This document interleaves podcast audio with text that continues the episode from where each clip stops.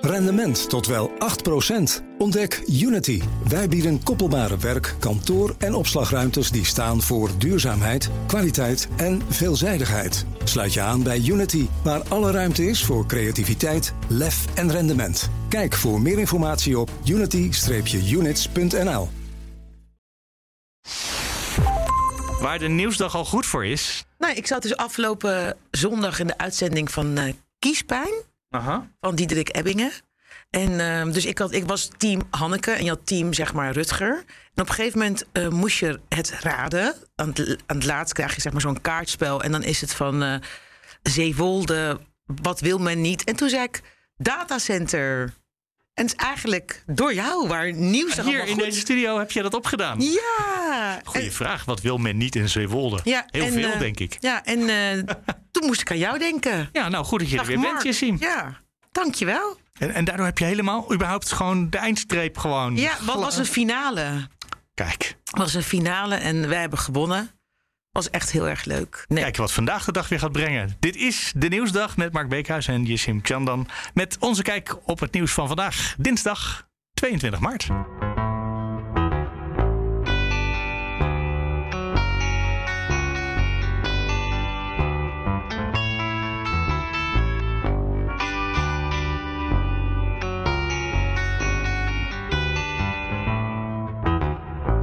Laten we beginnen met Volt, Eerste Kamer, oorlogsberichten.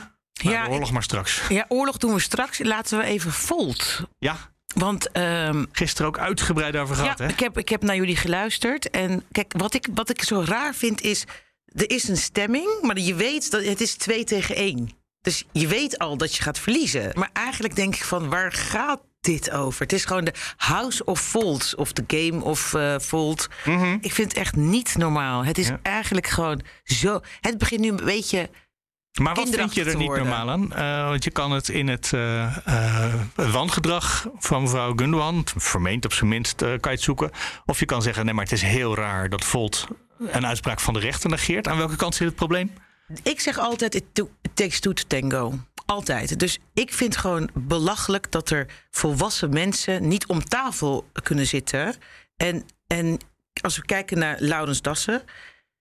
Weet je, dan denk ik van je bent gewoon een leider. Leider van een nieuwe partij. Je had het over nieuw leiderschap. Ga met haar, had je ook aan tafel kunnen zitten. Van joh, wat is het probleem?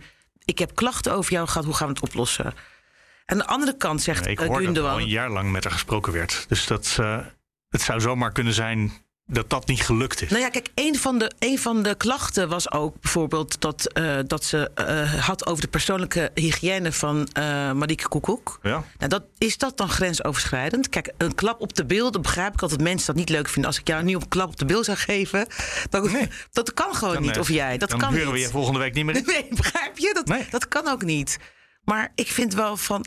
Dus it takes two to tango. Maar ik vind het wel een heel rare gang van zaken dat dit het voorbeeld is van nieuw leiderschap. We hadden zoveel Nee, hoop. dat is het niet. Nou, het is Maar goed, ze zijn wel, niet. want vandaag de stemming dus geweest. Misschien dat we het nieuws zelf ook nog even moeten benoemen. De stemming is geweest. Ze is weer als Kamerlid uit de fractie gezet. Tegen wat de rechter dus pas zei. Ja, dat vind ik nog steeds dat je een partij voor democratie bent. Maar rechtspraak negeert. Nou ja, goed. Ander nieuws. Laten we, want we hebben het hier gisteren ook al heel lang over Ja, gehad. inderdaad. Oké. Ehm, misschien dat we even moeten benoemen dat de Eerste Kamer vandaag eh, zich weer. Ja, nou, ze zijn een beetje recalcitrant. Of ze komen heel erg voor hun rechten op. Je kan het eh, op allerlei manieren. Het is moeilijk om het neutraal te formuleren. Maar ze hebben bijvoorbeeld eerst tegen de regering vandaag gezegd: ja, de regering moet alles doen om het datacenter van Facebook Meta, om dat uit. eh, wat was het nou ook weer, de gemeente? de Zeewolde. Heel goed, ik, nou ben ik hem even kwijt. Yay. Uit Zeewolde, bijna weer gewonnen. Ehm, eh, te ver- eh, te om, te, om dat te blokkeren, als de regering dat kan, moeten ze dat gaan doen. En vervolgens ook nog een stemming over een motie van eh, Paul Rozenmuller. Die zei, wij willen op 15 april al van jullie horen of de bezuiniging van de jeugdzorg van tafel gaat. En niet pas, zoals de regering steeds doet, want die zijn namelijk heel erg goed met vertragen door allerlei procedures op te werpen. Eh, niet pas ergens in juni bij de voorjaarsnota. Nee, zegt de Eerste Kamer, wij hebben gevraagd om het niet te doen. En eh, dan willen we ook nu meteen horen wat de regering daarmee gaat doen. En niet pas over een half jaar. Zo, dat is best wel ferm, toch? Nou, precies. Ferme daarom zeg ik, uitspraken. dat is- je kan of zeggen ze zijn een beetje recalcitrant... of ze zijn heel eh, stevig in hun opstelling. Het Maar is misschien ook wel goed. Ik vind het wel goed, want je hoort eigenlijk heel weinig van de Eerste Kamer. Het is altijd Tweede Kamer, Ja. Tweede Kamer. Je, je krijgt natuurlijk meteen de discussie: is dit de rol van de Eerste Kamer? Ja, goed, daar kan je lang en kort over discussiëren. Ze hebben deze mogelijkheid. Ja, En ze maar, gebruiken hem nu. ja, en ik vind het wel ja, goed, dus meer zichtbaarheid. Want al- als je zou bedenken van wie zit er allemaal in de Eerste Kamer... als je dat aan de burger zou vragen... zouden weinig mensen weten wie er in de Eerste Kamer zitten. Ja, ik kom ook niet tot 75 hoor. Nou ja, nee, ik ook niet. Maar bijvoorbeeld hier om dat datacenter is het inderdaad Partij van de Dieren... Hè, die dat eh, naar voren heeft gebracht, Nico Ja, Kofman. maar dit is nu dus in meerderheid. Dus, dat, eh, dus meer dan 35 mensen. Wat is het? De helft van 75. Ja, dus Nico heeft goed gelobbyd waarschijnlijk in de Eerste Kamer. Heeft gezegd, we gaan hier even voorzitten, dat we het niet gaan doen. Nou, dat, vind, dat vond ik dus een interessante gedachte. Dat je Ja. ineens in de Eerste Kamer, het zat er al een beetje aan te komen, maar dat het op één dag ook weer zo samenkomt. Dat is Ja. natuurlijk ook altijd, want ze vergaderen altijd op dinsdag.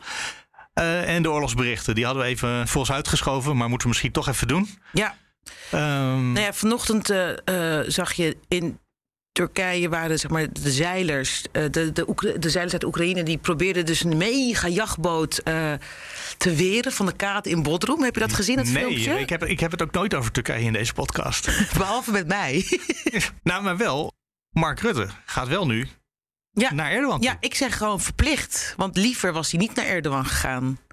Laten we eerlijk zijn. Volgens mij, Mark Rutte praat met iedereen die met hem wil Nee, praten. nee, nee, nee, Nee? nee. Hij heeft toch iets. Kijk, eh, Rutte en Erdogan gaan niet echt heel lekker samen. Het is Nee. altijd wel gezeik. Tussen die Ja, twee. natuurlijk al sinds de verkiezing waarbij die, eh, die minister van Buitenlandse Zaken was het, Rotterdam uitgezet nee, werd. eh, gezin was ge- minister van Oh, Gezin van en Familie. Ja, ja, gezinszaken. Echt heel bijzonder dat daar een ministerie eh, onder valt. Oh, de ChristenUnie zou het ook graag willen. Ja, maar ChristenUnie en de AK-partij lijken wel op elkaar. Of SGP eigenlijk nog sterker. Ja, dat denk ik weer. Ja. En, maar dus, dus eigenlijk is het gewoon altijd wel ehm, discussie, ruis. Inderdaad, de, de minister die niet welkom was, die zei: Ik heb, ben als hond behandeld. Of dat Erdogan zich ging mee bemoeien met een kindje die in een pleeggezin was terechtgekomen. Bij Mhm. Maar een is lesbisch het stel. nu de oorlog die Poetin in Oekraïne aan het vechten is, zou dat vrede tussen Den Haag en Ankara? Ja, ja, moet wel. Ik bedoel, eh, iedereen heeft nu Erdogan ook wel nodig. Dus ook Rutte. Ah, dat zeg je. Maar die Ja. besprekingen die werden geleid door Erdogan, maar die dreigen een beetje gekaapt te worden door Israël. Hmm, de, de, de derde speler bedoel ja, je? Ja, die, die mengt zich er ook in. Ja, maar die zegt we moeten de vredesonderhandelingen in Israël Ja. houden, toch? Ja. Ja. ja, ja. En die, die, die, is ook, die reist ook heen en weer. Mijn voorgevoel is dat Rusland dacht... we zijn er bijna uit in de besprekingen met, eh, te- met Turkije. Laten we snel iets doen waardoor het hele proces verstoord wordt... zodat we gewoon door kunnen gaan met de oorlog. Want het is niet de bedoeling om vrede te maken voorlopig. Maar goed, dat is mijn cynische veronderstelling van wat ik denk te zien daar. Ja, nee, dat, dat, ehm, dat zou kunnen. Maar Gaan ik we vind wel. binnenkort zien. Als ze er We gaan- we gaan met het Israël zien. bijna uit zijn... dan komen er weer positieve berichten. Nou, als het dan snel Je doorgaat kan een voorspelling een doen straks. Oh, deze voorspelling wil ik straks wel Ja doen. ik, ja, ik heb ook een voorspelling. Zullen we, we doen er eentje per dag. Eentje per dag. Kop of munt, Mark? En ondertussen 3,5 miljoen vluchtelingen ongeveer op Ongelooflijk. drift.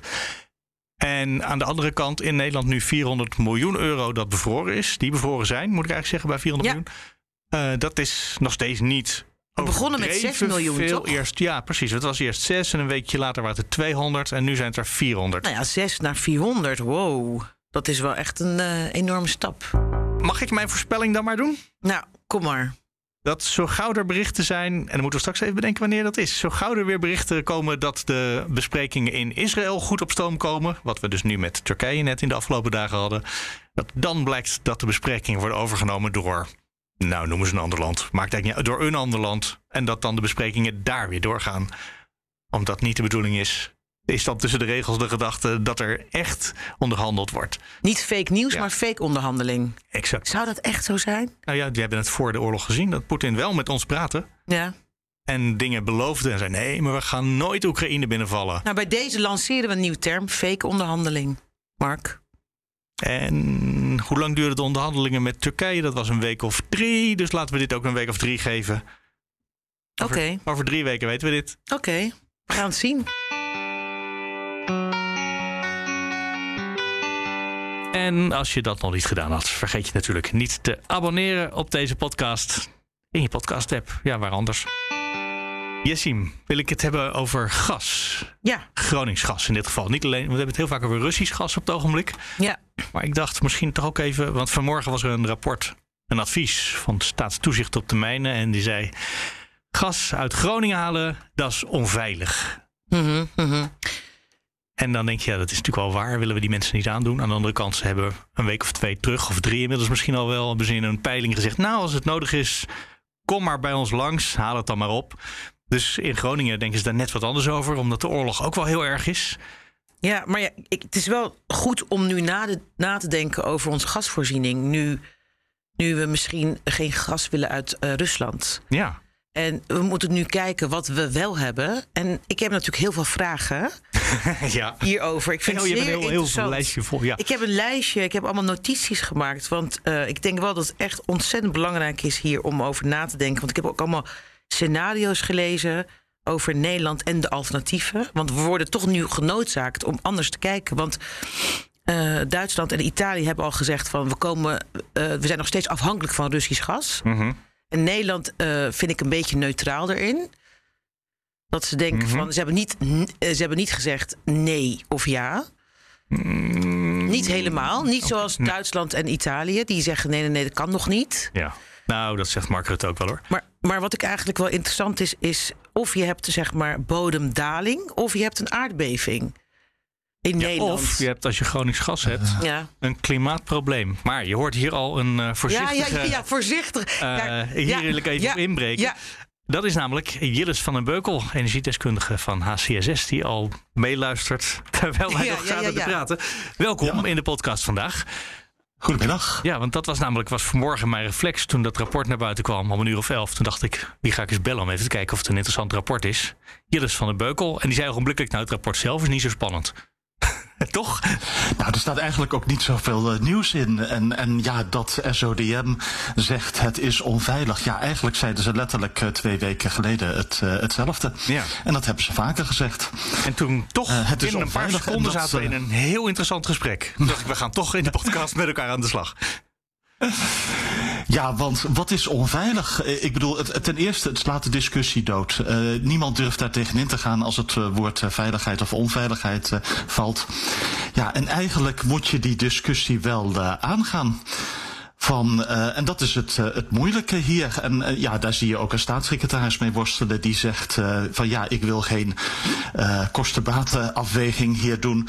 Maar ja, eigenlijk is dat wel wat een bestuurder moet doen. Hij moet complexe belangen tegen elkaar afwegen. De politiek zegt, we willen geen politieke keuzes maken. Eh, althans, niet nu, op dit moment. Niet die hele moeilijke keuzes. Niet die hele moeilijke discussie ook. Want eh, ja, dit is een hele moeilijke discussie. Eigenlijk is het iets wat helemaal eh, vastgelopen is. Eigenlijk best een beetje verkeerd gegaan in Nederland. Hebben we een keuze überhaupt als het, als het over zes jaar, als de productie heel erg om, omlaag gaat? Is er überhaupt een keuze? Ja, is een, er is een keuze. Er zit nog eh, 500 eh, miljard eh, kuub gas daar in de grond in Groningen. En daarvan kun je niets uithalen, of een beetje, of wat meer, of heel veel. Maar, dat maar, is toch maar het wordt toch ook gezegd dat over zes jaar dat het, eh, de productie gaat gigantisch omlaag. Want Maar dat is een keuze en die kan je terugdraaien. Nee, eh, eh, eh, sorry, maar eh, nee, dat, dat klopt alvast niet. Er zit toch echt heel veel gas nog daar in de grond. Eh, en eh, ja, dat is echt inderdaad een keus. Haal je dat eruit of niet? Wat heb je daarvoor over? En ja, je ziet dat dat een discussie is die de politiek eigenlijk liever niet eh, aan begint op dit moment. Misschien als het echt moet, als de kraan uit Rusland eh, dichtgaat, maar voor die tijd toch. maar het lijkt alsof we oneindig gas hebben, als ik zo hoor. Dat is toch ook weer niet zo? Nee, maar eh, kijk, eh 500 miljard kuub, dat eh, is, nou ja, orde van grootte een, een, een, een, een 12, 14 jaar het jaarverbruik in Nederland. Ja, het is fijn om het even in oneindig. jaren uit te drukken, inderdaad. Want eh, zoveel kuub zegt natuurlijk niet zo heel veel. Althans, bij mij niet. Nee, maar twaalf jaar kunnen we daarmee 12 vooruit. Als we het jaar. allemaal voor onszelf houden. Eh, eh, Ja, inderdaad. En dan heb je ook niets eh, anders nodig. Nou, in de praktijk zou het eerder zo zijn. Kijk, niemand gaat meer serieus overwegen om de oude volumes van eh, 40, 50 miljard kuub per jaar te doen. Maar dan denk je eerder, als je nu nog wat doet aan een volume van orde van grootte 10, 12 miljard kuub per jaar. En kunnen we helemaal onaf- onafhankelijk zijn van Rusland dan? Daarmee ben je wel aardig onafhankelijk van Rusland. Uh, ja, ja, zelfs als je het uh, 40% marktaandeel van Rusland in de EU neemt. En wat eigenlijk, uh, ja, voor Nederland zelf is het lager, maar wij maken deel uit van een Europese gasmarkt. -hmm. ja, kun je aardig van, en, en van Russisch gas af zijn. En ja, je verdient er verschrikkelijk veel geld aan. 10 miljard kuub zou deze winter 10 miljard euro zijn geweest ongeveer kunnen we leuke dingen mee doen. Waarom lukt het ons niet om dit debat te voeren? Want er zit natuurlijk. Uh, nou ja, ik begon net al over klimaateffecten. We zeggen, dan kiezen we liever. Uh, het gevaar. Want we, we, nee, ik moet het, de vraag anders stellen. We willen op het ogenblik geen Groningsgas. Want dat is gevaarlijk in verband met aardbevingen. Maar we willen wel Russisch gas. Terwijl dat natuurlijk gevaarlijk is voor klimaatopwarming, die bij Russisch gas gewoon veel heftiger is. Uh, ja, het is, het is gewoon een complexe materie. En inderdaad, uh, we hebben Groningen gas min of meer één op één vervangen door, uh, door Russisch gas. dat was voor het klimaat heel slecht. Hè? Het heeft al onze vooruitgang met een meer elektriciteit uit zon en wind volledig teniet ge gedaan. Dat heeft geen enkele rol gespeeld bij de discussie trouwens. Dat is ook wel opvallend. ja, en financieel in de ruime gasmarkten van afgelopen vijf jaar hadden we er niet zo'n last van. Maar op dit moment, nu die gasmarkten krap zijn, hebben we er wel heel veel last van. Dat speelt al sinds uh, september. De, de gasprijs is nu uh, een kleine tien keer zo hoog dan het gemiddelde van de afgelopen vijf jaar. Nou, tussen de vijf en tien keer, oké, okay. niet, niet overdrijven. Ja, toch? Ja, en je zit toch met een probleem qua leveringszekerheid. Hè. Mm. Bovenop die krappe markten komt de situatie met Rusland nu bovenop. Maar dit ja. zijn allemaal overwegingen waarom, waardoor je zou denken, nou dan gaan we hier politieke debatten over voeren. allerlei spelers en in het veld hebben het hier over. Maar, maar dat, ja, ik weet niet, u spreekt meer mensen dan doen. ik in dit vak. Maar dat, dat niet toch? Niemand doet het. Nee, eigenlijk heeft niemand zin om deze discussie. Omdat het zo ingewikkeld is. Het is Toch? ingewikkeld. Ja. Uh, vergeet niet, uh, nou ja, je, je, ziet SODM, dat is nou niet bepaald een uitnodiging uh, om die discussie weer aan te gaan. de staatssecretaris Veilbrief heeft daar ook echt geen zin in op dit moment. Heel misschien dat dat verandert als we de parlementaire enquête achter de rug hebben. vergeet niet, Shell en ExxonMobil hebben hier ook helemaal geen zin in. Die willen hier gewoon uit met zo min mogelijk financiële kleurscheuren. Over financiën gesproken, ik heb een dringende vraag. Oh. Ja, ja. over financiën. Um, stel dat we inderdaad onafhankelijk uh, worden van Rusland. Ja. Wat betaalt de burger dan? Betaalt de burger juist meer of minder in Nederland? Uh, dat zou voor de burger niet zoveel uitmaken, want die gasprijs is gewoon een internationale prijs uh, die op een internationale handelsbeurs uh, gezet wordt. Maar waar het veel voor uitmaakt, mm -hmm. is voor de Nederlandse staat. Die krijgt dan heel veel meer inkomsten. En oh, indirect maakt het dan ook uit voor, voor, de, voor, voor de burger. Ja. als je bij wijze van spreken 15 miljard kuub doet, ja. nou, dat is toch 1000 euro per Nederlander in één winter. Ach, dat heeft meneer Rutte ons nog wel eens beloofd. Duizend oh, euro per Oh ja, jaar. inderdaad. Ja. Die kan die gewoon even doen. terugvragen. ja, dat hebben we nooit gekregen. Maar wat, wat is het dan? Want u zegt ook tot en met de Shell en de Exxon willen het allemaal niet. Maar we hebben ook niet eens de discussie meer met elkaar over de vraag of nee. we klimaat nee, belangrijker vinden of inkomsten die... belangrijk vinden of Maar moet niet iemand een voortouw nemen dan, Mark? Nou, maar in, wie zou, wie, ja, van wie zou u hopen dat hij dat nu gaat doen? Ik denk meteen naar de politiek te kijken, maar misschien ja. is dat niet de logische plek. Nou, misschien de Groningers zelf wel. Die gaven aan in een enquête twee, drie weken geleden. dat uh, zij het in ieder geval onder bepaalde voorwaarden misschien wel uh, uh, zagen zitten. maar lang niet alle Groningers, dat ten eerste. en met een substantiële geldstroom naar, naar Groningen. Ja, al het geld en, voor de Groningers, daar, toch? En hoe zit het dan in Drenthe? Daar, daar is toch ook heel veel gas te vinden? Uh, nee, dat zijn echt uh, de minime kleine veldjes in Drenthe. Oké, okay, die velden, die velden, uh, zit, velden is niks. Echt Noordzee ja. en dus Noordzee en Groningen. Ja, maar Noordzee is wel een belangrijk woord. Want daar zegt staatstoezicht, daar kan u wel naar uitwijken. Er zijn de procedures zo korter. Mm -hmm. Dat is, valt dat daar net zoveel te halen als uit Groningen? Ja, goede vraag. Nee, uh, nee, de echt grote volumes zitten in Groningen. Maar in ieder geval, uh, het, de kleine velden op de Noordzee hebben veel minder het maatschappelijk acceptatieprobleem dat, uh, dat, dat Groningen heeft. Ja. Uh, alleen dan praat je eerder over orde van grootte een, een 100 miljard kuub, uh, 150 misschien over de komende 10 jaar. En niet over 500, maar nog steeds Dat is ook best veel. Ja, dat is de moeite. Ja, Maar wat stelt u voor dan? Wat is uw oplossing? Want misschien kunt u een voortouw nemen hier en dat luisteraars denken: hé, hey, want ik denk dat heel veel mensen met zo deze vraag zitten: van hoe gaat het nu met gas verder voor Nederland? Hoe, wat betekent dat nou voor ons? Ja, ik, ik, ik kijk wel uit. Deze discussie is, is veel te gevoelig en, en gevaarlijk in wezen. Maar ik denk wel als Nederland. En moet je waarom gevaarlijk dan, hebben. vindt u? Vanwege milieu en veiligheid. Nee, zeggen. het vertrouwen is volledig weg. D- dit gaat eigenlijk vooral over. Eh, ja, eigenlijk is het een maatschappelijk probleem. Waarom lukt het ons wel sommige dossiers wel op te lossen? De meeste misschien wel. En dit specifieke eh, dossier niet.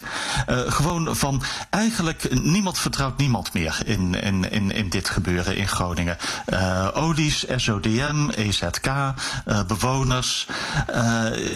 Het vertrouwen is gewoon weg. De basis is gewoon weg om hier samen uit te komen. Vind ik wel fascinerend. Waarom is dat in vredesnaam zo gebeurd? Want laten we wel zijn, voor Nederland als geheel heeft de geschiedenis hier toch een ongelukkige afslag genomen. Je had voor Nederland als geheel, als landsbelang, waarschijnlijk beter door kunnen gaan met 10 tot 15 miljard Ja. En, en- toch, ik zie het er niet van komen. Simpelweg omdat de vertrouwensbasis eh, weg is. Nou, maar is het niet een idee dan dat de minister van Milieu alle partijen om de tafel krijgt? Ik bedoel, ik denk toch dat dit zijn taak is. Ja, en je ziet veel partijen hebben zich eigenlijk ingegraven, zitten in hun loopgraaf. Of dat nou Wat om de u gaat of om SO. Nou, die hebben bepaalde posities ingenomen in, in dit Groningen dossier. En daar zijn ze niet Niemand wil zijn vinger of hand aan verbranden. Dat is het eigenlijk. Precies, en ja, u dat is niet, frappant, want je, je ziet nu in deze tijd in andere landen wel veel dingen schuiven. Hè. Het taboe op kernenergie is toch bijvoorbeeld eh, eh, weg. Eh, wij accepteren allerlei dingen, maar eh, bij Groningen is dat nog niet zo ver. Mijn inschatting, dan moet echt de gaskraan uit Rusland helemaal dicht gaan. Eh, en die kans is er, eh, voordat eh, dat echt verandert in Groningen. Ja. U zei het volgens mij wel net. Het, het landsbelang is helemaal uit zicht geraakt. Omdat niemand het meer kan Ja, en dat vind ik eigenlijk jammer bij SODM. Van ja, het is zo makkelijk om te zeggen, eh, ja, het is niet veilig. Maar er zijn zoveel dingen niet veilig. Eh, als we in een auto stappen is het ook niet veilig. En het risico is wel heel klein in Groningen. En het financiële gewin is heel groot. Alleen, ja, hoe vergelijk je dat soort dingen? Ja, en dan kan eh, de staatssecretaris wel zeggen, ik heb geen zin in dat soort discussies. Maar dat is eigenlijk wel wat een bestuurder moet doen. Dat soort moeilijke eh, plussen en minnen, complexe belangen naast elkaar zetten en afwegen uiteindelijk. Ja, want ik heb nu het idee. Ik heb nu het idee dat we eigenlijk eh, een beetje in tussenin zitten. We weten het helemaal niet zo goed. Terwijl we eigenlijk moeten, moet er een plan komen, toch? Heel, ook heel snel. Er is in ieder geval één knoop die moet worden doorgehakt. Van als je niet binnen eh, een jaar of twee eh, aangeeft van de productiecapaciteit moet eh, blijven, eh, dan, gaan, eh, dan verdwijnt die echt. Hè. Dan gaat eh, de NAM eh, putten dichtcementeren, dan verdwijnen de clusters en dan is het eh, echt gedaan. Dat is interessant, want ik hoorde van meneer Vuilbrief dat hij voor volgend jaar, als de bedoeling is op het ogenblik dat we dan geen gas meer, gewoon helemaal niks meer uit Groningen gaan halen, maar daar wilde hij toch nog geen uitsluitsel over geven. Eh, dus Nee, op dat de- soort termijnen bes- durven we nog geen keuzes te maken zelfs. Nee, eh, en, en ja, toch, eh, we moeten echt binnen een paar jaar beslissen van eh, eh, laten we Groningen als reservecapaciteit in deze wereld met hele rare politieke ontwikkelingen intact. Of eh, ja, sluiten we de optie definitief af? Dat is eigenlijk de eerste beslissing. Ik voel gewoon dat het vijf voor twaalf is. Toch? Eh, ja, je, je kunt niet eindeloos wachten. Want eh, ja, als het aan de NAM ligt, dan eh, gaan ze echt de putten dicht cementeren en de clusters afbreken, beetje voor beetje. En, dat speelt heel niet duur morgen, ook niet volgende maand, Ja. maar wel binnen een paar jaar. Ja. En daarna is het heel duur om weer opnieuw te beginnen natuurlijk. Moet je weer opnieuw gaan boren. Dat zul je echt niet meer doen, schat ik in. Nee, nee. Nee, en sowieso, met de bestaande infrastructuur is het probleem niet. De bestaande putten, die, die zijn er gewoon. Jillis van der Beukel, het is een beetje een eh, ongemakkelijk einde, maar het is gewoon de situatie die er is. Het is niet anders. Ja. Ja. Dank het u is wel. niet anders, ja. Dank u wel. Ik vond het gewoon heel erg nuttig. Omdat ik denk dat, dat iedereen hierover na zit te denken. Want je leest alleen maar in de kranten van... we moeten af van Russisch gas, we moeten af van Russisch gas. Aan de andere kant weten we hoe gevoelig Groningen is. En wat dan? Wat staat ons te wachten? Nou, een besluitloze politiek. Dat Ja. is wat ik net gehoord heb. Mensen die allemaal niet willen kiezen en niemand die elkaar vertrouwt. En iemand moet de voortouw hier nemen. Ik denk toch dat we... ja, dat een oproep dat van der Beukel dat moet gaan doen? Nou, of, nee, nee, nee, Rob, Rob Jetten. Die moet voortouw nemen. Want hij had het over twaalf jaar. Nou, ik vind dat niet zo heel lang hoor, niet zo heel veel. Maar op het ogenblik... Ja, je zegt Rob Jetten, het advies voor de winning is voor eh, de staatssecretaris die over de mijnbouw gaat. Dat is eh vuilbrief. Van, Mhm. Die heeft het rapport vandaag ook gekregen. En die weigert zelfs maar over volgend jaar iets te zeggen. Dus Oh. eh, over twaalf jaar, ik vind het ook niet zo lang. Het lijkt me voor een bedrijf dat twaalf jaar ook niet per se Nee. een hele lange horizon is. Maar daar zijn we nog niet. Lekker dan. Zo is het. Eh, Nou, je kan reageren. Mail daarvoor naar denieuwsdag.bnr.nl. Je kan terecht op de Twitters en op Instagram. Bijvoorbeeld bij Yassim Chandan ja, bij De Nieuwsdag. Of de nieuwsdag. Twitter bij Marks Remarks. Als je mij wil berichten. Er waren wel wat interessante reacties. Over, over gaswinning? Nee, nog niet. Nee? Mensen hebben deze podcast nog niet gehoord. Wij zijn hem nu aan het opnemen. Van gisteren bedoel je? Gisteren hebben we het niet over gas gehad. Ja, maar die heb ik niet bij de hand. Dus eh, helaas, volgende keer komt dat weer een keer. Eh, morgen zijn we er weer. Tot dan. Tot dan. Dag. Die vond ik heel grappig.